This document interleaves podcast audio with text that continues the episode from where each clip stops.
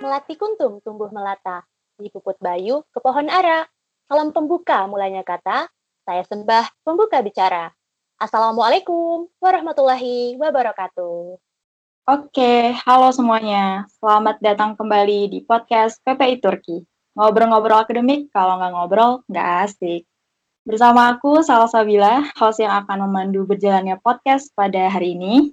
Di podcast episode 10 sekarang, kita akan bahas sesuatu yang sangat menarik. Yang sangat menarik banget sih, karena kebetulan relatable juga dengan jurusan kuliahku, biologi. Dan agaknya memang serius, tapi tenang, kita bakal mengemas obrolannya dengan santai namun tetap berisi. Tema yang akan aku bahas bersama kedua narsum, seperti yang tadi aku bilang, relate dengan jurusanku, adalah apa yang seharusnya kita ketahui tentang vaksin COVID-19. Di sini kita bakal mengupas dari hal-hal dasar sampai spesifik soal vaksin COVID-19 itu sendiri. Jadi pada banyak bahasa-bahasa ini, langsung aja deh. Aku kenalin dulu kedua narsum kece kita. Yang pertama ada Karido Asidiki. Halo Karido, selamat siang waktu Indonesia. Halo, selamat siang juga di sini. Siang menuju sore ya? Iya, kita pagi sih. Eh, kalau di Turki pagi. Iya. Terima kasih untuk waktunya sudah menyempatkan hadir di podcast PPI Turki. Karido ini sekarang bekerja sebagai QRT PCR for COVID-19 di Halgen Inolab, Jakarta. Beliau juga alumni bachelor degree di Gebze University Kocaeli, Turki, di Departemen Biology and Genetics. Juga master degree di jurusan yang sama di Bilkent University, Ankara, Turki. Nah, dilihat dari latar belakangnya Karido ini memang banyak sekali uh, yang mengarah ke penelitian biological gitu ya. Sempat beberapa kali mengikuti Olimpiade nasional sampai internasional biologi dan juga mengikuti internship uh, di Departemen Molecular Biology and Genetic.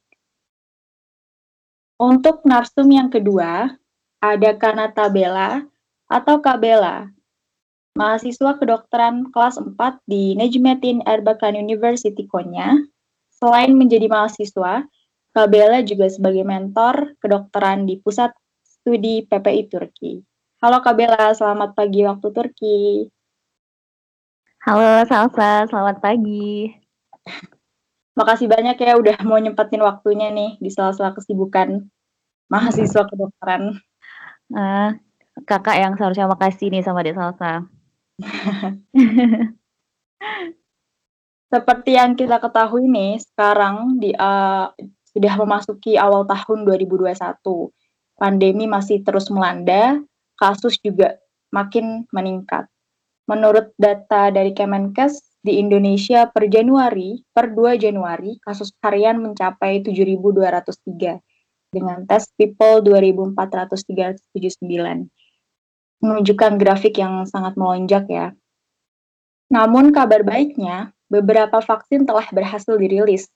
Di Indonesia per Desember lalu 1,2 juta vaksin telah hadir dan tanggal 31 Desember juga ditam uh, apa dosis vaksin yang hadir juga tambah yaitu 1,8 juta. Indonesia sehingga di Indonesia sehingga totalnya 3 juta dosis vaksin telah hadir. Begitu juga dengan di Turki. Uh, Turki dan Indonesia sama-sama menggunakan vaksin yang sama yaitu dari Sinovac. Vaksin sebagai satu-satunya jawaban di balik kegelapan pandemi yang kita rasakan ini uh, telah menjadi titik terang untuk kita semua. Namun mungkin dari beberapa di antara kita masih uh, terdapat beberapa pertanyaan juga yang mengambang di kepala. Sebenarnya apa sih vaksin itu sendiri? Apakah benar-benar safety dan mengapa harus vaksin gitu jawabannya? Di pertanyaan pertama, aku pengen nanya dari, aku pengen nanya ke Karido dulu nih. Sebenarnya uh, kenapa sih kondisi di pandemi COVID-19 ini vaksin itu tuh sebagai satu-satunya jawaban gitu yang tepat. Sebenarnya definisi vaksin sendiri itu apa sih Kak? Dari perspektif biologi molekuler gitu. Oke, uh, terima kasih ya waktunya uh, Salsa. Ya. Hmm, ini saya perlu meluruskan dulu sih. Jadi tadi kan disebutkan ya bahwa satu-satunya jalan itu adalah vaksin. Sebenarnya statement itu perlu di sedikit dikoreksi. Kenapa? Karena uh, vaksin tidak bisa menjadi senjata tunggal untuk melawan COVID-19. Nanti itu bisa kita eksplor lebih lebih dalam nanti ya. Nah, eh, tapi yang betul adalah vaksin adalah salah satu tool atau alat untuk memerangi COVID-19 gitu. Nah, apalagi yang kita punya, tentu saja kita tidak boleh mengabaikan 3M yaitu mencuci tangan, memakai masker, lalu menjaga jarak ya kan. Ada juga 3T eh, tes, eh, tracing dan treatment itu tadi. Nah, barulah kita melengkapinya dengan vaksin. Nah, itu yang pertama. Lalu apa sih sebenarnya vaksin itu? Sebenarnya isu tentang vaksin ini pastinya tidak tidak asing lah ya. Saya yakin tidak asing eh, di masyarakat. Kenapa? Karena kita ini bukan bukan pengalaman pertama kita menghadapi um, suatu virus. Kita sudah pernah kita punya vaksin polio, kita punya vaksin flu, bahkan uh, di tahun 2005 kita dunia sempat menghadapi vaksin flu, uh, apa, flu, flu burung juga yang juga ditemukan vaksinnya. Nah, cara kerja dari vaksin itu sendiri sebenarnya semacam kayak satpam ya, ibaratnya itu kayak satpam. Kenapa seperti itu? Jadi kalau uh, virus ini diibaratkan sebagai maling yang masuk ke rumah kita, maka perlu seseorang, perlu penjaga yang bisa mengenali si uh, apa namanya si ini tadi si maling itu tadi gitu.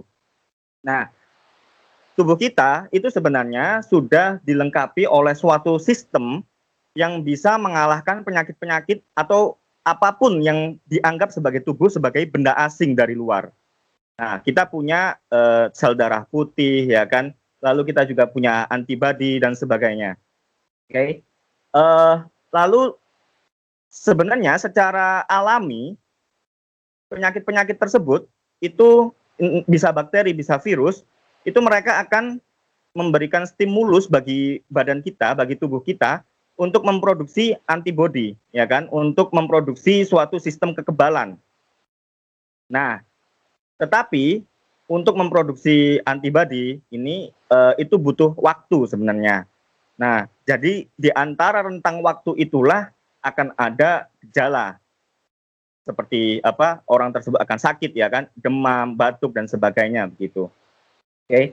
lalu hmm. kehadiran hmm. vaksin ini itu sebenarnya untuk uh, apa namanya mengintroduce atau mengenalkan ini loh sebenarnya pencurinya itu seperti ini gitu sehingga ketika ada pencuri yang sebetulnya itu tadi tubuh kita sudah kenal oh ini nih ini ciri-cirinya sama dia dengan pencuri yang sebelumnya gitu nah sehingga tanpa atau uh, dengan symptoms atau dengan gejala yang lebih rendah, dengan efek samping yang lebih rendah, kita bisa membentuk sistem kekebalan tubuh dan uh, kita akhirnya bisa merespon uh, terhadap COVID-19 ya terhadap terhadap virus COVID itu sendiri dengan lebih cepat. Nah, kurang lebih seperti itu sebenarnya. Hmm, oke okay, oke. Okay. Jadi vaksin ini tuh sebenarnya bukan untuk mengobati ya kayak, ya, tapi untuk mencegah, lebih kepada mencegah gitu. Betul, Bisa... itu sebagai pencegahan terhadap virus yang sebenarnya gitu. Okay. Ya. Nah, kalau uh, mekanisme dasar vaksin sendiri ini bekerja sebagai antibodi itu seperti apa sih? Mungkin Kak Bella bisa menjawabnya dari sisi kedokteran. Oke, sebelumnya makasih buat Dek Salsabila buat kesempatannya. Jadi sebenarnya udah sebagian itu disampaikan oleh Kak Rido tadi ya. Jadi emang luar biasa sekali nih pengetahuannya Kak Rido, udah master pula lagi kan. Jadi kalau dari Kakak itu, ya mekanisme dasar vaksin itu sebenarnya kan sama seperti yang kayak Kak Rido udah bilang tadi bahwasanya kita itu memperkenalkan uh, si malingnya itu kan atau si virusnya itu. Jadi sebenarnya vaksin itu kan ada beberapa ya, ada beberapa jenis. Ada yang mana vaksin yang di dalamnya itu uh, diletakkan virus yang sudah dilemahkan. Jadi virusnya itu belum dimatikan, cuma dilemahkan aja uh, dan kemudian diberikan ke tubuh agar tubuh kita bisa mengenali si uh, virus yang virus tersebut kan uh, yang sudah dilemahkan. Kemudian juga ada virus yang memang ada vaksin yang virusnya itu sudah dimatikan dan ada vaksin yang uh, berupa bagian dari virus itu. Misalnya kayak uh, bagian-bagian pentingnya DNA-nya, bagian genetiknya, dan juga ada virus yang memang ada vaksin yang berisi bagian toksik dari si virus itu kan. Makanya kayak yang di, sedang dikembangkan oleh para ilmuwan itu ada dua misal ada beberapa banyak gitu ya. Kalau misalnya yang kayak punya Cina yang Sinovac itu mereka uh, lebih memilih untuk uh, memberikan uh, mengisi uh, vaksinnya itu berupa bagian uh, virus yang sudah dilemahkan sehingga uh, bisa apa ketika diberikan itu tidak memberikan gejala. Misalnya kalau yang dari buatan Amerika vaksin Pfizer itu mereka menggunakan bagian dari uh, si virusnya itu yaitu bagian mRNA kan. Makanya um, nama vaksinnya juga itu kita sebut mRNA 1273 karena memang mengambil bagian mRNA dari si uh, virusnya itu sehingga uh, diberikan ke vaksin sehingga ketika vaksinnya itu diberikan ke tubuh kita uh, mRNA-nya itu akan masuk ke bagian sitoplasma kita sehingga akan uh, translasi menyebabkan uh, suatu protein yang disebut uh, spike protein. Nah, spike protein ini, spike itu kan duri ya. Jadi dia itu akan muncul ke permukaan uh, ke permukaan sel yang ada di tubuh kita sehingga uh, sistem imun itu mengenal uh, ada suatu bagian yang aneh nih di, tubuh kita sehingga menyebabkan munculnya uh, respon imun seperti itu. Jadi memang uh, kalau ditanya mekanisme dasar vaksinnya itu tergantung juga uh, sama sebenarnya mengenalkan suatu antigen atau zat asing ke tubuh kita sehingga tubuh bisa uh, merespon dengan menghasilkan antibodi, tapi dengan uh, berbagai cara yang berbeda seperti itu. Hmm. Menarik banget ya. Nah, setelah kita tahu nih mekanisme dasar vaksin itu sehingga antibodi kita bisa mengenali uh, maling tadi ya, virus tadi. Sebenarnya pengujian vaksin kita ini kalau berada dalam kondisi safety ini benar nggak sih kak? Maksudnya uh, kondisi safety dalam tubuh kita. Jadi vaksin ini sebenarnya uh, safety nggak sih uh, dengan kondisi tubuh kita sendiri gitu. Mungkin bisa dijawab dari Kak Bella dulu. Oke, okay. uh, pengujian vaksin ini sebenarnya kalau yang vaksin yang udah kita uh, yang udah beredar sekarang di masyarakat ini otomatis uh, vaksinnya yang sebenarnya sudah aman ya karena untuk bisa membuat suatu vaksin itu kan harus melewati berbagai tahap nih. Kak Rida pasti lebih tahu. Jadi kayak ada tahap eksplorasi, tahapan praklinis, kemudian ada perkembangan klinis, terus kemudian tinjauan peraturan dan persetujuan, kemudian baru dimanufaktur atau diproduksi dan kemudian dikontrol kualitasnya. Jadi di tahapan praklinis itu adalah tahapan eh, eh, tahapan eksplorasi itu mungkin tahapan yang di mana itu tuh eh, dilihat ini bagusnya di eh, virus eh, vaksinnya itu diguna, eh, di menggunakan metode yang mana apa dengan melemahkan si virus atau menggunakan bagian eh, salah satu bagian dari virusnya. Kalau tahapan praklinis ini biasanya adalah tahapan yang mana dia itu menguji kepada hewan dulu kan, hewan-hewan dulu. Dah kemudian kalau memang dianggap safety baru memasuki tahapan uh, perkembangan klinis. Nah, di klinis ini juga dibagi lagi menjadi tahapan klinis 1, klinis 2, klinis 3. Nah, klinis 1 itu diuji cuma untuk beberapa puluh orang dulu kan.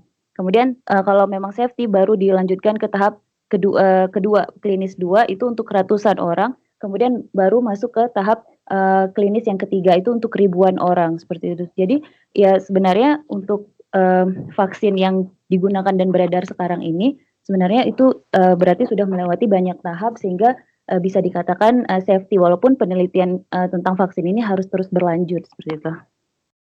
Hmm. Kalau ya. dari Karido sendiri gimana nih kak? Mungkin bisa memperjelas tadi uh, apa cara-caranya dan metodenya? Uh -uh.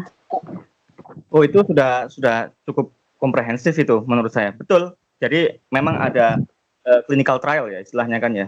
Jadi ada clinical trial satu, clinical trial dua, uh, clinical trial tiga seperti yang disebutkan sama ini apa uh, Mbak Natabella ya.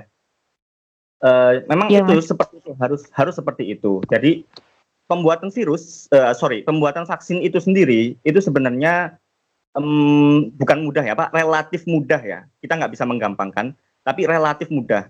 Uh, banyak lab yang sebenarnya bisa. Nah, tetapi tahapan yang uh, sebenarnya sulit itu adalah tahapan-tahapan yang berikutnya itu tadi gitu. Uh, apakah si vaksin ini memberikan side effects? apakah dia akan memberikan gejala-gejala tambahan di luar yang kita tidak ketahui misalkan. Maka dari itu kita perlu uh, si apa clinical trial ini tadi sangat penting gitu. Uh, secara teori, misalkan secara teori, oke okay, dia dia akan menimbulkan kekebalan yang spesifik ya kan. Jadi tubuh kita benar-benar mengenali secara spesifik nih si virus itu tadi. Tapi tentu ini nggak bisa dijadikan patokan. Kita harus punya apa data ya kan data sebagai patokan gitu. Maka dari itu seperti yang dibilang tadi harus terus ada uh, pemantauan di sana atau surveillance ya kan. Uh, bahkan setelah ini apa namanya setelah clinical trial itu selesai itu akan ada terus pemantauan ya kan apakah ada side effects gitu uh, dan tentunya apakah side effects ini itu signifikan gitu misal saja yang Pfizer ya ini dia itu kan bentukannya mRNA betul yang uh, seperti dibilang itu tadi mRNA dan ini sebenarnya menarik. Kenapa? Karena ini sebenarnya terobosan ya. Jadi si siapa namanya? Uh, Dokter Ursain ya. Nah, ini kita juga sebagai uh, mahasiswa mahasiswi yang sedang kuliah di Turki, juga saya sebagai alumni Turki itu sebenarnya ikut punya pride lah ya, ikut punya kebanggaan karena seorang yang atau seorang Turki ya kan, uh, walaupun beliau uh, berada tinggal di Jerman, tapi beliau bisa memberikan kontribusi yang sangat besar lah terhadap uh, apa peperangan kita melawan COVID-19 itu. Oke, kembali ke topik itu tadi. Jadi mRNA ini dia uh, dikapsulasi ya kan, dikapsulasi dengan suatu nanopartikel ya, nanopartikel lipid gitu. Nah, secara teori mRNA ini yang akan memberikan yang akan menstimulus kekebalan kita ya kan dengan uh, mekanisme yang uh, telah dijelaskan itu tadi. Tetapi ternyata nanopartikelnya itu sendiri bisa saja ada orang yang ternyata alergi dengan itu. Nah, kita tidak tidak pernah tahu yang seperti ini. Gitu. Makanya kita perlu data, kita perlu data tambahan, kita perlu surveillance, kita perlu monitoring. Nah, seberapa besar sih resikonya gitu. Nah, kalau untuk e, penggunaannya terhadap masyarakat sendiri sebenarnya WHO itu e, memberikan kriteria yang cukup longgar dalam tanda kutip ya, cukup longgar. Kenapa? 50% efektif saja, oke okay, kata mereka. Gitu. Nah, kita tahu sendiri uh, misalkan Pfizer itu dia sampai 95% ya kan. Ada juga Moderna misalkan dia sampai 94,5%. AstraZeneca ada 90%. Lalu Sinopharm itu 86% gitu kan. Nah, Sinovac ini yang yang sudah masuk tadi yang seperti dibilang sudah masuk ke Indonesia dan juga di Turki itu uh, masih apa namanya? masih dalam tahap uji di Indonesia. Tapi sepertinya ada kabar baik tuh di, dari Turki ya kan, bahwa uh, uji mereka ternyata efektivitasnya cukup tinggi 90%. Jadi dalam apa ya? Dalam konteks ini sepertinya Turki selangkah lah lebih maju daripada daripada kita. Ya kita berharap lah, kita berharap di Indonesia juga segera uh, menemukan atau mendengar kabar baik dari pihak pihak-pihak yang terkait ya BPOM dan sebagainya gitu. Oke. Okay.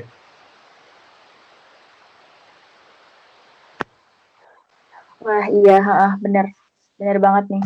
Penjelasannya sangat mencerahkan ya. Kita lanjut lagi. Uh, sebenarnya kekebalan alami ini lebih baik daripada kekebalan yang dapetin melalui vaksin nggak sih, Rido? Ada beberapa artikel aku baca gitu soalnya tentang kekebalan alami dan kekebalan dapat melalui kekebalan. Alami. Nah, oke, okay. jadi kalau kita membahas masalah kekebalan ya, jadi kita harus kembali lagi ke konsep dasar dari imunitas gitu. Sebenarnya kalau kita mau membahas secara kasar, eh, saya yakin ini semua yang yang ini ya yang ada apa Mbak Natabella terus juga Mbak Salsabila pasti juga sudah pernah mendengar konteks eh, atau apa namanya tipe-tipe imunitas gitu kan. Ada innate immunity ya kan, yang mana dia adalah garda terdepan dari imunitas kita, dari kekebalan tubuh kita ya kan. Tapi dia tidak spesifik. Jadi dia memakan apa pun yang dia anggap asing.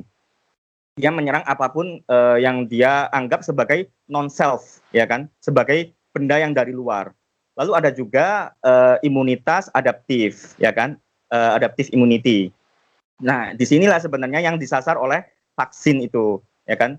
Kita agar uh, tubuh kita ini distimulus sedemikian rupa agar mempunyai memori, agar mempunyai ingatan terhadap suatu penyakit tertentu. Uh, dalam konteks ini COVID-19 gitu. Nah, adaptive immunity ini tadi ternyata ada yang alami dan ada yang artifisial, ada yang buatan gitu. Nah, yang alami seperti apa? Seperti yang dipertanyakan tadi ya. Nah, alami itu ada yang aktif. Misalkan aktif artinya kita akan menimbulkan atau kita bisa memberikan kebalan untuk tubuh kita setelah terjadinya infeksi gitu. Nah, ada penyakit masuk ke tubuh kita, lalu tubuh kita menanggapi, tubuh kita merekam pernah ada maling dengan wajah seperti ini gitu. Eh, akhirnya eh, kita bisa sembuh ya kan, kita sembuh lalu dengan infeksi yang berikutnya kita bisa tahu kita bisa memberikan respon yang lebih besar dan respon yang lebih cepat. Nah, itu yang disebut dengan aktif. Cuman untuk aktif ini kita eh, apa namanya? kadang ya itu tadi ada ada gejala, ada side effect dan sebagainya. Oke. Okay? Tapi eh, yang apa namanya? Eh, imunitas alami itu tidak berhenti di aktif itu tadi. Ada juga yang pasif, ya kan? Eh, ini kasus yang paling sering adalah pada bayi, ya kan? Jadi ada maternal, maternal immunity bayi ketika baru lahir dia itu benar-benar memorinya masih kosong terhadap segala segala pencuri itu tadi ya segala bentuk infeksi apa namanya penyakit itu tadi gitu. Nah untungnya uh, ibu kita itu memberikan pasif immunity itu tadi. Jadi dal dalam air susu ibu itu ada antibody, ya kan? Ada antibody yang bisa ditransfer ke bayi. Nah, inilah yang akan memberikan kekebalan pertama ya kan? Jadi sebenarnya uh, kolostrum ya atau ya ASI pertama itu penuh dengan antibodi uh, yang mana dia adalah penjaga penjaga paling paling awal baik uh, apa bagi bayi itu tadi gitu sehingga ketika ada uh, apa namanya ketika ada infeksi itu masih tertolong dengan uh, dengan sistem ini Masalahnya adalah yang pasif ini dia tidak bisa bertahan lama. Kenapa? Karena dia bentuknya antibodi bukan suatu sel. Jadi antibodi itu ya protein ya kan, protein dan dia dia bisa rusak ada masa uh, masa berlakunya gitu. nah, uh, jadi ketika kita membahas uh, yang alami itu tadi sebenarnya juga nggak nggak ini banget. Maksudnya nggak nggak selamanya itu bentuknya infeksi itu tadi. Ada ada kasus di mana yang alami ternyata bukan berasal dari infeksi, ya kan? Nah, tapi kita dengan perkembangan teknologi itu tadi kita bisa membuat yang artifisial, ya kan? Ada yang nah artifisial ini pun juga sama sebenarnya, ada yang aktif, ada yang pasif. Yang aktif itu bentuknya vaksinasi, ya kan? Kita e, mengenalkan tubuh kita seperti yang saya bilang tadi, kita mengenalkan tubuh kita dengan pencuri tersebut. E, sedangkan yang pasif ini sama juga ada transfer e, apa namanya itu antibody, ya kan? Uh, istilahnya disebut sebagai apa? Seroterapi ya kan? Seroterapi. Jadi iya. dari orang yang sudah ini dari orang yang sudah sembuh terus plasmanya itu tadi diambil antibodinya diambil lalu hmm. disuntikan ke orang yang uh, sehat gitu. Ya kan? Sehingga hmm. orang tersebut diberikan kekebalan secara pasif tapi artifisial gitu. Nah uh, mana yang lebih baik sebenarnya? Ya tentu saja ketika kita berjaga-jaga itu itu lebih lebih lebih baik ya kan?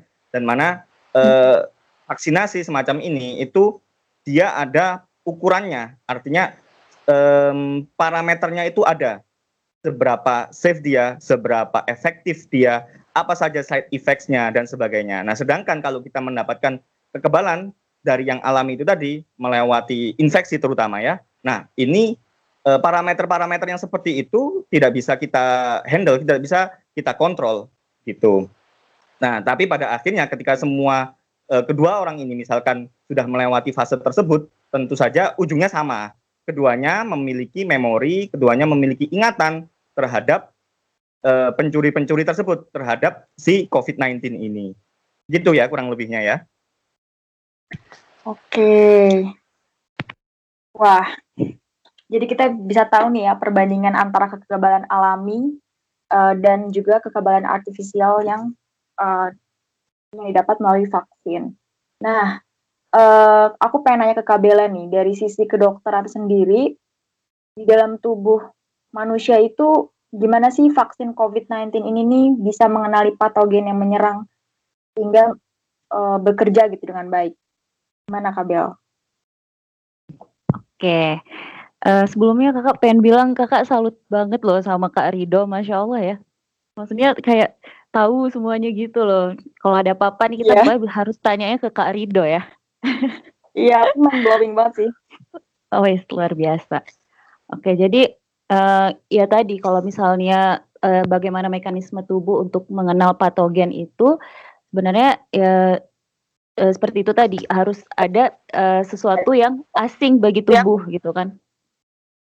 Jadi ya kalau misalnya tubuh udah menganggap ini tuh suatu benda yang asing bukan yang uh, biasa dia kenali gitu, ini berarti patogen dan dia pasti akan membentuk suatu perlawanan. Nah, jadi di dalam tubuh kita kan ada sel darah merah, ada sel darah putih. Nah, sel darah putih ini dibagi lagi menjadi beberapa. Salah satunya adalah limfosit. Nah, limfosit ini juga dibagi menjadi limfosit T dan limfosit B. Nah, untuk yang menghasilkan antibodi itu adalah tugas dari limfosit B ini kan. Nah, jadi e, nanti tubuh itu akan menghasilkan e, limfosit ini akan menghasilkan imunoglobulin, globulin sehingga e, yang akan dia tuh kayak protein gitu. Jadi protein ini itu dia akan uh, menutup uh, resep uh, di tubuh dia kayak menutup reseptor yang ada di tubuh kita sehingga ketika virus itu atau suatu patogen itu datang dia nggak bisa menuju reseptor itu sehingga tidak mengganggu sel-sel yang ada di tubuh kita salah satu mekanismenya seperti itu uh, jadi uh, sebenarnya banyak mekanismenya. Nah uh, jadi pokoknya kalau ada patogen atau benda asing yang masuk ke tubuh dan ini dianggap tidak normal maka uh, tubuh kita akan melakukan perlawanan. Seperti itu.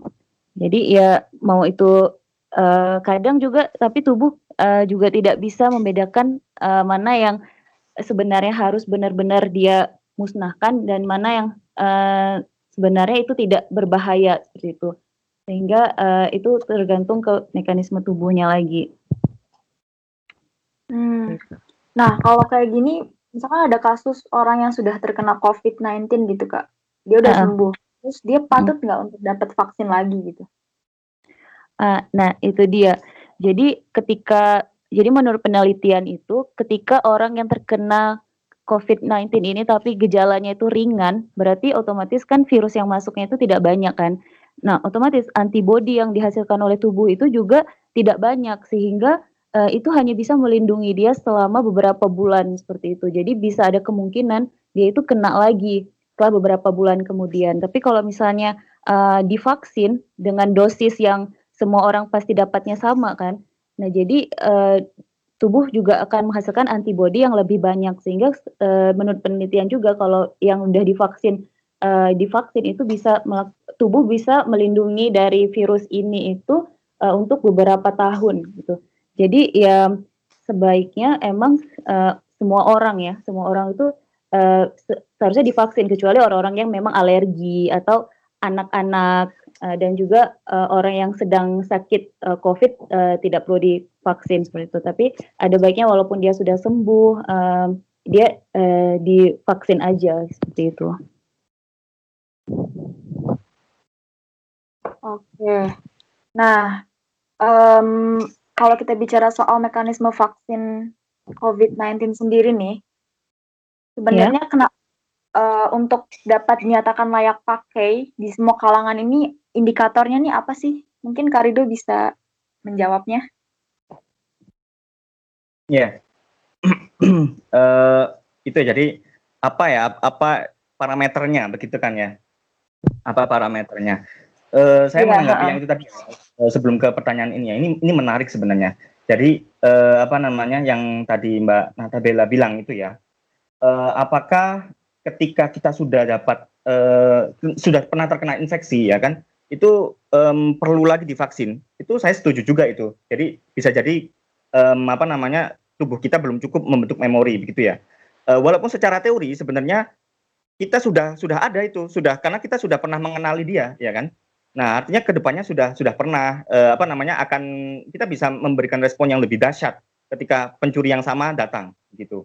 Nah, tapi saya tadi sempat ini ya nyari apa namanya uh, sumber referensi ternyata CDC atau Centers for Disease Control ya punya Amerika itu mereka juga memberikan saran yang sama.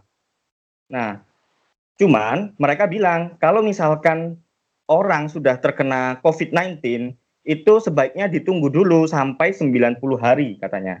90 hari dari awal mereka eh, terkena, awal mereka menunjukkan gejala gitu. Eh, lalu setelah 90 hari itu barulah mereka bisa diberikan vaksin yang eh, seperti orang yang belum terkena. Gitu. Jadi memang masuk akal juga di sana dengan vaksin itu kita uh, dengan dosis yang tepat ya kan dosis yang tepat dan terukur pastinya itu bisa memberikan um, memori yang lebih robust gitu kan yang lebih lebih dahsyat gitu nantinya ke depannya gitu nah lalu seperti apa sih vaksin yang bisa dipakai gitu kan ya itu seperti uh, tadi saya juga sempat singgung sedikit uh, eh, WHO memberikan kriteria yang cukup longgar sebenarnya jadi 50% ya kan Nah, tapi WHO ini bukan suatu apa? Bukan suatu kitab suci gitu ya. Maksudnya tidak memberikan ikatan ke ke negara-negara. Jadi e, mereka masih bisa melakukan uji lokal gitu. Sehingga misalkan kayak Turki, mereka mendatangkan e, vaksin sekian sekian dosis gitu ya, sekian juta dosis, mereka uji lagi itu. Gitu. Mereka uji lagi ke populasi lokal. Nah, di Indonesia misalkan diuji juga itu oleh uh, BPOM ya kan. Nah, kita masih menunggu ini sebenarnya kita kan harap-harap cemas juga ya. Gitu. Nah, nantinya apa yang akan dipakai sebagai parameter? Mereka bisa memakai parameter dari WHO yang mana 50% itu tadi gitu. 50% ini uh, itu ternyata symptomsnya lebih rendah gitu. Jadi gimana sih uh, pemberian vaksinasi atau clinical trial itu seperti, seperti apa sih untuk mendapatkan angka itu tadi? itu jadi populasi dibagi dua ya, yang satu divaksinasi, yang satu divaksin beneran, yang satu dikasih placebo namanya. Tapi kita mereka nggak nggak akan menyebutkan mana yang placebo, mana yang uh, vaksin. Placebo itu seperti bohongan ya, maksudnya uh, bukan bukan dibohongi enggak, tapi memang uh, apa namanya? Gitu mereka tahu betul, mereka mereka tahu kalau itu uh, ada populasi yang placebo juga begitu. Nah lalu hmm. dari placebo dan uh, si populasi vaksin ini tadi akhirnya uh, itu tuh diuji ya kan mana mereka uh, yang lebih efektif untuk uh, tubuhnya itu tadi uh, menanggapi COVID, menanggapi virus yang sebenarnya gitu. Jadi setelah divaksinasi itu mereka akan dicek, ya kan, seperti apa tanggapan tubuh mereka terhadap COVID-19, begitu. Nah, uh, apa namanya, lalu diukurlah persentasenya itu tadi. Jadi dari total populasi itu tadi berapa yang ternyata mereka itu menunjukkan symptoms, berapa yang ternyata mereka uh, dalam tanda kutip baik-baik saja seperti itu. Oke. Okay? Nah, uh, angka 50% ini menurut saya juga um, apa ya? suatu apa ya? suatu keputusan yang diambil dalam keadaan yang emergency gitu. Jadi ya pokoknya inilah 50% ke atas dikit lah gitu. Oke lah kita kita bisa ini uh, apalah yang ada karena semua orang membutuhkannya, semua dun seluruh dunia sedang dalam keadaan kritis gitu, membutuhkan eh, apa namanya suatu langkah gitu kan, suatu eh, progres di sana gitu. Jadi itu tadi secara singkatnya WHO memberikan suatu parameter, tetapi negara-negara itu akan diberikan eh, kelonggaran gitu, kelonggaran untuk menetapkan batas mereka. Kuncinya ada di clinical trial itu tadi, gitu atau eh, apa namanya uji efektivitas itu tadi. Itu ya kurang lebih sih. Hmm. Jadi di uji efektivitas tadi juga uh, bisa mencap bisa mendapatkan persentase 90% dari beberapa vaksin yang ada itu ya Kak. Jadi kita bisa melihat tingkat efikasinya atau tingkat kemanjuran vaksin itu sendiri. Betul, betul, betul. Pokoknya apa pun yang kita lakukan itu harus berbasis dengan data, ya kan? Kita oh. uh, tidak bisa melakukan apa ya, ya, ya mengambil keputusan tanpa tanpa adanya data itu, gitu. Itu akan sangat fatal sekali ke depannya, begitu. Oke. Okay.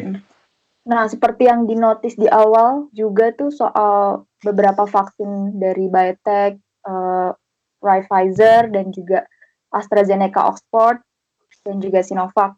Kan mereka beda-beda ya metodenya yang dipakai gitu. Kalau yang dari uh, Pfizer nih menggunakan metode messenger RNA, terus juga AstraZeneca Oxford dari chimpanzee adenovirus juga Sinovac yang menggunakan tipe inaktif COVID-19 itu sendiri.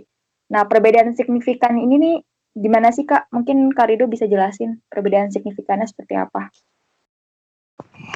Jadi perbedaan apa ini? Perbedaan uh, metode yang digunakan ya atau atau seperti apa? Iya, metode-metode vaksin yang sudah dirilis.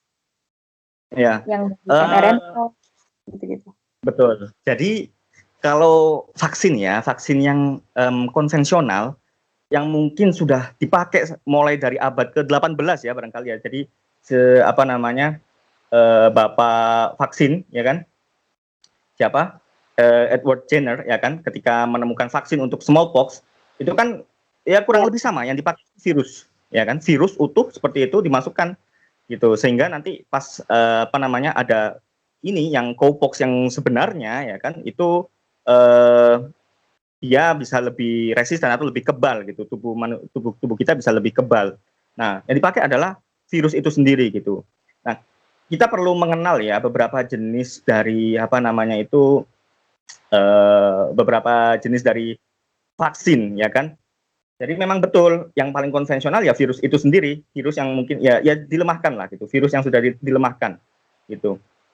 Uh, virus itu sendiri kita masukkan ke dalam tubuh uh, manusia, lalu manusia tubuh kita akan memberikan respon, ya kan? Nah, hmm. ada juga yang menggunakan viral vector.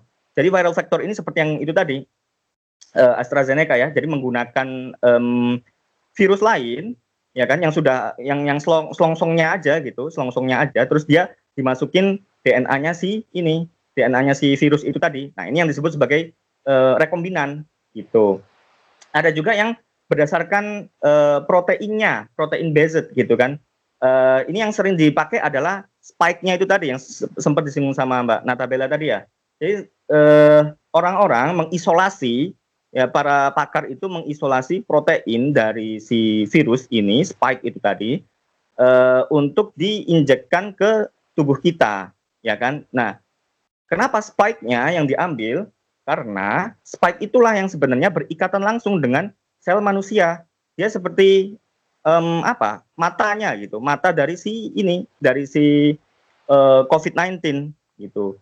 Nah ada namanya reseptor dalam tubuh manusia ya kan AC2 ya kan itu yang akan berikatan dengan spike ini spike protein itu tadi sehingga eh, virus itu bisa masuk ke dalam tubuh manusia. Nah, apa jadinya kalau misalkan cuma spike-nya aja yang kita ini yang kita ambil lalu kita eh, masukkan ke tubuh manusia. Nah, tidak tidak akan ada respon kan karena bukan virus itu sendiri yang masuk, hanya sebagian kecil aja dari dia, hanya fraksi kecil aja. Nah, lalu tubuh kita bisa memberikan respon, respon imunitas, respon kekebalan tanpa adanya virus itu sendiri sebenarnya gitu. Nah, lalu yang terakhir itu memang ini ya, ini uh, big flu, uh, mereka menggunakan asam nukleat ya kan, mereka menggunakan mRNA itu, mRNA dari si virus untuk membentuk kekebalan kita. Sebenarnya uh, sejauh ini mungkin mungkin ini perlu perlu di cross check nanti ya, tapi ya mungkin baru kali ini mRNA itu digunakan sebagai vaksin dan itu seperti apa ya? Jadi kalau saya membayangkan ya, saya sebagai uh, saya melihat Dr. Ur Shahin itu ya, dia uh, punya ide yang gila dalam tanda kutip gila gitu ya, menggunakan asam nukleat yang mana itu bukan hal konvensional gitu untuk uh, membuat vaksin. Tapi dia mendapat mungkin ya mendapat kritik dari sana sini nggak mungkin lah itu bisa uh, karena itu uh, prosesnya panjang dan sebagainya, tapi ternyata dia maju aja gitu kan. Ya kita coba dulu yeah. gitu. Ya, jadi ini ini ini menarik sebenarnya di sini karena uh, dia menggunakan si si amplop itu bukan amplop apa? Suratnya itu kan ya. Kita apa namanya? Yeah. Nih surat ini bentukan virusnya itu seperti ini nih. Ntar kamu yang bikin ya. Setelah bangunannya dibikin, surat itu dihancurkan ya kan oleh tubuh kita. Nah, tinggallah si spike itu aja, tinggal si uh, bangunannya itu tadi yang akan nanti dikenali oleh tubuh kita gitu. Nah, tapi ternyata pas dites luar biasa 94 persen ya 95 persen dari Pfizer, Moderna juga sama, mereka juga pakai mRNA uh, itu 94 setengah persen gitu. Itu uh, angka yang yang apa ya, yang sejauh ini sepertinya yang paling efektif ya kan, yang ditunjukkan oleh iya, uh, vaksin yang ada betul. Uh, tapi memang ada konsekuensinya kan nanti uh, kalau untuk yang mRNA ini karena dia mRNA itu sangat fragile ya, dia mm, rentan rusak. Jadi suhunya eh, suhu penyimpanannya pun itu harus minus 80 Ya kan berbeda dengan misalkan virus-virus uh, vaksin sorry vaksin vaksin dari sumber lain itu bisa hanya dalam suhu kulkas itu sudah cukup gitu. Kenapa ini menjadi suatu concern? Karena ketika dilempar ke masyarakat itu tidak akan semudah itu. Kita punya misalkan di Indonesia sendiri itu punya wilayah yang sangat luas, butuh cold chain di sana, butuh rantai dingin ya kan untuk uh, menyimpan vaksin-vaksin ini agar tetap prima. Bayangkan gimana uh, apa namanya ada puskesmas di pelosok dan mereka mempu harus mempunyai minus 80 eh, penyimpanan minus 80 untuk si vaksin tersebut. Nah, itu akan suatu apa ya menjadi pertimbangan yang cukup sulit juga ketika apa namanya menentukan vaksin mana yang akan dipakai gitu. Jadi eh, ketika kita melihat vaksin seperti ini atau melihat apa ya pandemi semacam ini itu eh, bukan hanya kacamata biomolekuler saja yang akhirnya berjalan di sana ya kan, tapi akan ada banyak pertimbangan lain macam itu gitu. Nah, tapi eh, semua orang berlomba, semua orang berlomba artinya mana sih yang kita mungkin untuk pakai gitu. Eh, ketika pemerintah Indonesia mendatangkan 1,2 juta dosis ya kan, eh, Sinovac ya, Sinovac 1,2 juta dosis itu dalam keadaan belum di tes efikasinya. Nah, saya sebenarnya bertanya-tanya waktu itu. Ini sudah datang dulu, ya kan, sekian juta, lalu baru dites nih. Lah, kalau misalkan nggak lolos uji efikasi seperti apa, ya kan? Apa mau dibuang itu semuanya? Dua juta dosis, mm gitu. Nah, tapi itu tadi, jadi pemerintah punya pertimbangan-pertimbangan lain, seperti mungkin ya politika terbaik, ya kan? Nah, ini kita siap nih, gitu ya kan? Kita kita sudah ready nih, gitu. Atau eh, karena pertimbangannya adalah kompetisi itu tadi gitu. Karena eh, vaksin itu sendiri kayak modelnya kayak pre-order gitu kan, PO kan. Jadi siapa dulu nih yang mau itu kita ngantri di sana, kita ngantri untuk mendapatkannya. Siapa nih yang mau uh, pesen nih gitu. Nanti kalau misalkan kalian sudah DP duluan ya saya kasih. Kalau enggak ya saya nggak bisa gitu. Nah dalam keadaan-keadaan tersebut akhirnya ya itu tadi kayak uh, mengambil shortcut semacam itu gitu. Artinya mana yang tersedia sebenarnya, ya kan? Mana yang tersedia. Tapi itu tadi uh, enam kurang lebih Indonesia sudah akan ini ya mengimpor enam jenis ya. Itu yeah. mm, asalkan efektivitasnya mereka oke okay, ya oke okay, gitu. Artinya ya sudah itu bisa dipakai gitu. Ya kurang lebih seperti itu sih. Ini bisa mungkin bisa ditambahi dari apa Mbak Natabella. Ya silakan. Mungkin dari Kanatabella ingin menambahkan atau lanjut ke pertanyaan selanjutnya nih? Kalau menurut kakak udah lengkap banget sih apa yang disampaikan oleh Kak Rido. Kalau oke okay deh kalau gitu. Kalau Kak Bella nih aku pengen nanya. Kan ketika kita divaksin tadi beberapa juga dinotis akan ada side effect-nya gitu ya. Nah, side yeah. effect ini mempengaruhi regulasi di dalam tubuh kita itu gimana sih Kak? Oke. Okay. Jadi sebenarnya side effect ini uh, akan muncul tergantung dari uh, kekuatan atau kekebalan tubuh kita juga sih sebenarnya karena kan nggak semua orang punya um, jumlah sel darah putih yang sama karena kan kalau kita stres otomatis sel darah putih kita juga berkurang jadi sel darah merah juga berkurang maksudnya kayak uh, tergantung uh, pola hidup kitanya juga. Dan sedangkan ketika divaksin kan kita dikasih dengan dosis yang sama nih. Jadi ada kemungkinan-kemungkinan ada orang yang bahkan dia jadi kayak apa ya ketika tubuhnya itu tidak mampu me menghasilkan atau memberikan antibodi yang untuk melawan uh, walaupun eh, virus yang udah dilemahkan itu tadi maka akan muncul kayak gejala-gejala ringan sih sebenarnya. Mungkin kayak lebih gampang capek dan segala macam atau orang-orang yang alergi jadi ada juga uh, beberapa orangnya itu mungkin ada uh, yang meng, uh, men, apa menghasilkan respon alergi dari tubuhnya itu karena mungkin kan ada kandungan kandungan-kandungan dari vaksin itu yang nggak uh, bisa diterima oleh tubuhnya sehingga bisa alergi. Uh, seperti itu sih. Jadi kayak lebih ke sejauh ini pasti efek sampingnya adalah efek samping efek samping ringan yang bakalan uh, muncul gitu. Karena kalau memang yang parah otomatis uh, vaksinnya dianggap gagal kan. Jadi ya hmm. efek samping ringan yang bakalan muncul seperti itu. Dan juga ada kriteria orang-orang tertentu yang patut untuk divaksin dan tidak ya kayak ya. sehingga yang muncul set efeknya itu nggak terlalu parah juga gitu. Iya, benar. Orang-orang yang punya uh, penyakit uh, atau uh, banyak penyakit dalam tubuhnya itu kan juga masih dilakukan penelitian kan apakah mereka uh, diberikan vaksin atau enggak gitu. Jadi uh, sebenarnya memang banyak harus lebih banyak penelitian lagi untuk karena tiap orang kan pasti ini ya beda-beda. Jadi emang harus benar-benar penelitiannya lebih banyak.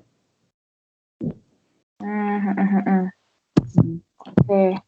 Nah, kalau misalkan kita lihat nih ya, bila vaksin kan udah bisa diakses misalkan oleh semua elemen masyarakat nih.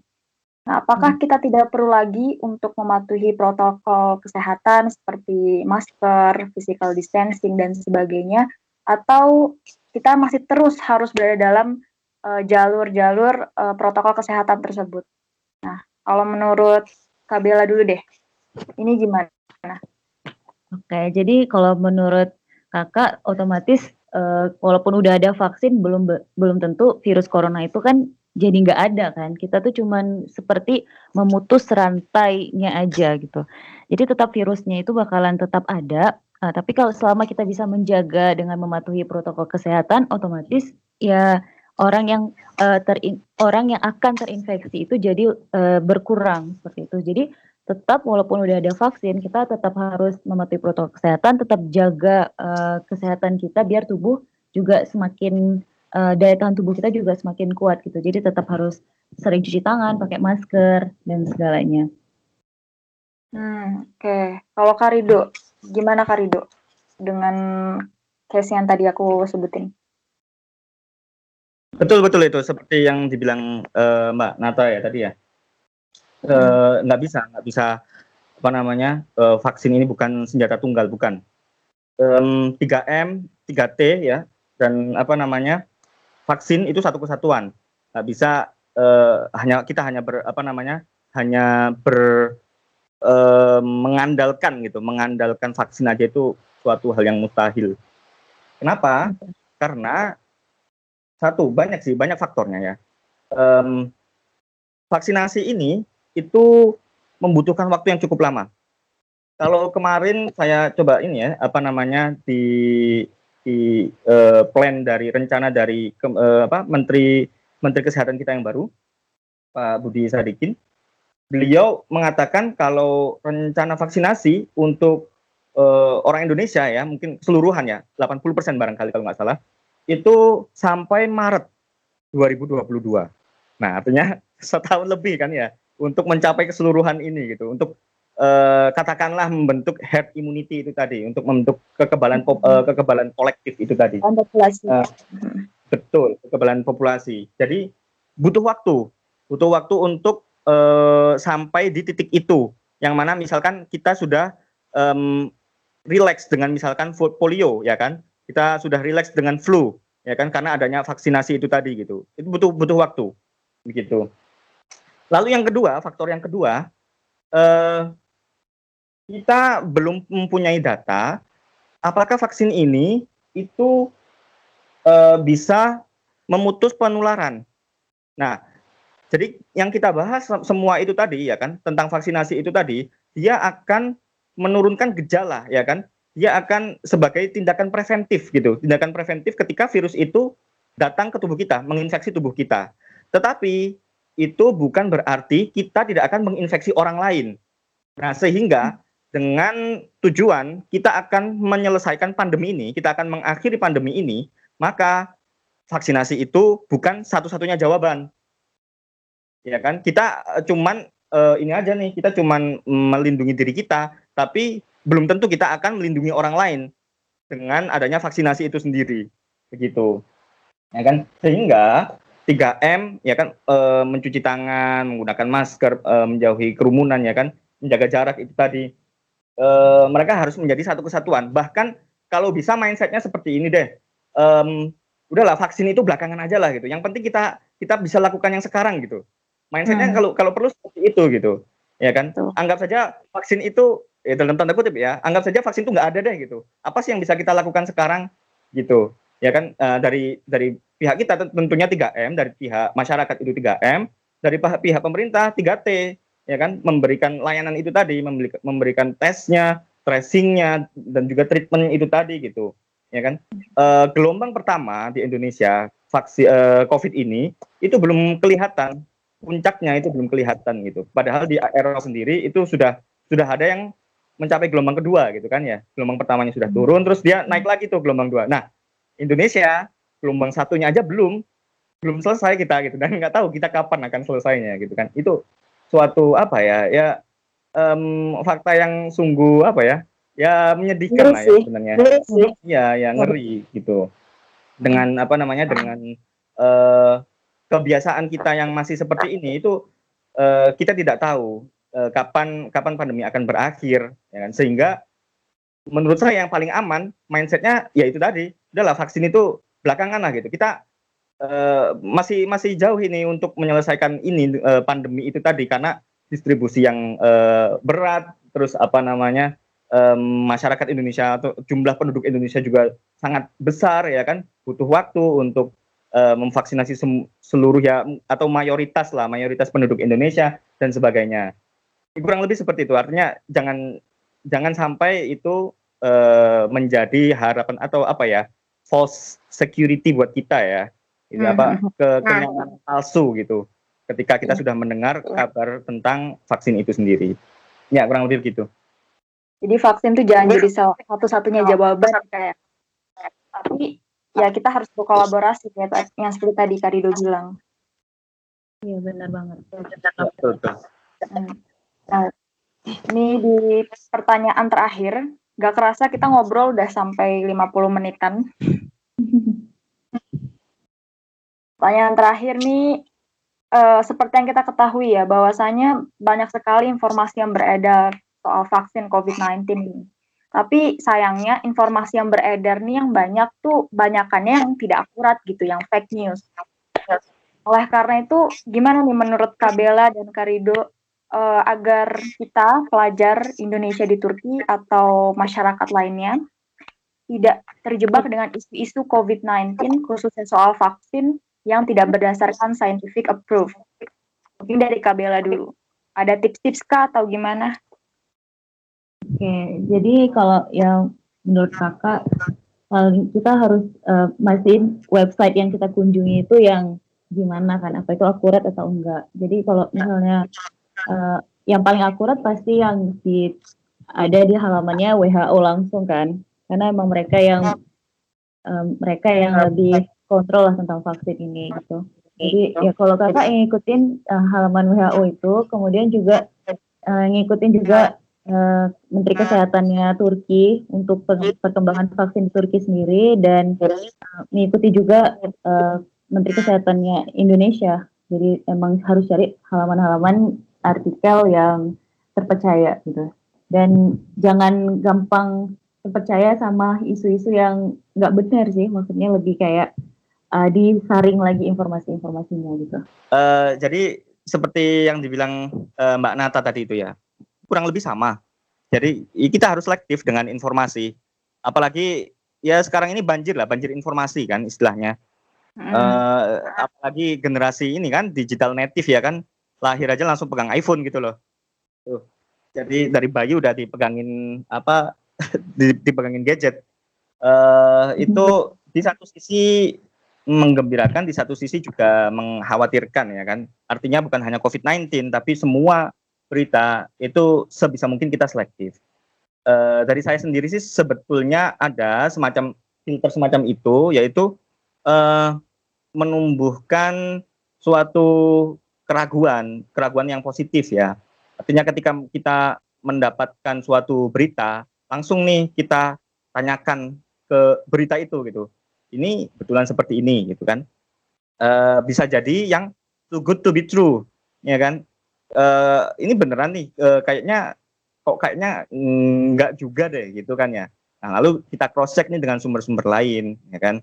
Atau misalkan ya too apa ya, too bad juga ya kan ya atau terlalu buruk juga. Nah itu bisa juga kita cross check. Nah eh, sekarang kita su sudah sangat gampang mengakses informasi. Kalaupun misalkan kita kesulitan untuk mengakses itu, misalkan eh, karena bahasa atau karena ya fasilitas dan sebagainya, ya kita bisa mencari orang yang yang bisa untuk uh, ditanyai atau misalkan bisa diajak diskusi seperti itu. Uh, artinya atau dengerin podcast ini juga ya kak. dengar dengar podcast PPI Turki lah. Uh, banyak lah sekarang sudah sudah cukup banyak ya. Jadi uh, kita ya kita spread positivity lah. Kita kita oh. menyebarkan yang positif ya kan ya. Itu. Hmm. Ya, nah, itu sih dari Iya, kalau dari aku sendiri sih aku pengen ngasih kayak recommended channel YouTube ya untuk teman-teman listeners podcast PPI Turki untuk terus update soal COVID-19 dan vaksin nih. Mungkin kalau di YouTube teman-teman bisa buka uh, di channelnya Dr. John Campbell atau Dr. Brin Medical Lecture. Atau juga di New York Times tuh juga uh, suka ngebagiin tentang track recordnya uh, vaksin COVID ini. Kalau dalam bahasa Indonesia bisa follow juga Instagramnya Pandemic Talk. Di situ banyak banget uh, apa namanya infografis-infografis mengenai COVID-19 yang cukup akurat ya. Mungkin ada tambahan dari Kabela atau Karido? Atau udah cukup? sudah tadi saya sudah. Iya, Terima kasih ya. Saya juga sudah. Ya. Oke deh, kalau gitu. Ini udah satu jam lebih kita ngobrol-ngobrol. Terima kasih banyak loh atas waktu dan ilmunya Karido dan Kabela udah mau nyempetin di podcast BP itu episode 10 ini ya. Semoga bisa bermanfaat. Sukses terus untuk Karido dan Kabela. Amin, amin. Terima kasih. Amin, amin. Terima kasih. Sampai jumpa di lain waktu. Bye. Bye. Bye. See you.